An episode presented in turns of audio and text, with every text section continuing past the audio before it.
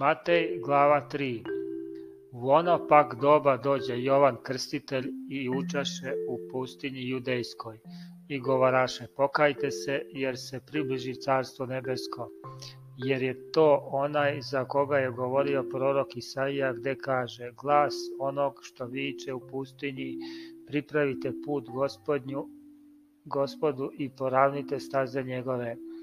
A Jovan imaše haljinu od dlake kamilje i pojas kožan oko sebe, a hrana njegova beše skakavci i med divlji. Tada izlažaše k njemu Jerusalim i sva Judeja i sva okolina Jordanska. I oni krštavaše u Jordanu i ispovedahu grehe svoje. A kad vide Jovan mnoge farizeje i sadukeje, gde idu da ih krsti, reče im, porodi aspidini, ko kaza vama da bežite od gneva koji ide?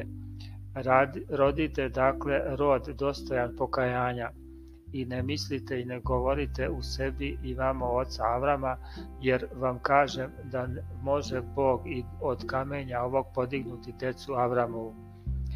Veći sekira kod korena drvetu stoji, svako dakle drvo koje ne rađa dobar rod, seče se i u oganj baca.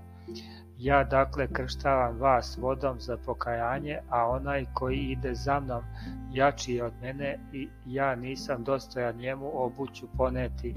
On će vas krstiti duhom svetim i ognjem Njemu je lopata u ruci njegovoj, pa će otrebiti gumno svoje i skupit će pšenicu svoju u žitnicu, a plevu će sažeći ognjem večnim.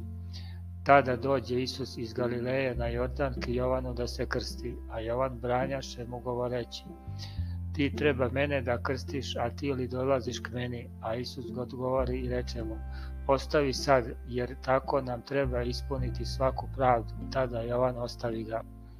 I krstivši se Isus iziđe odmah iz vode i gle, otvoriše mu se nebesa i vide duha Božjeg gde silazi kao golub i dođe na njega.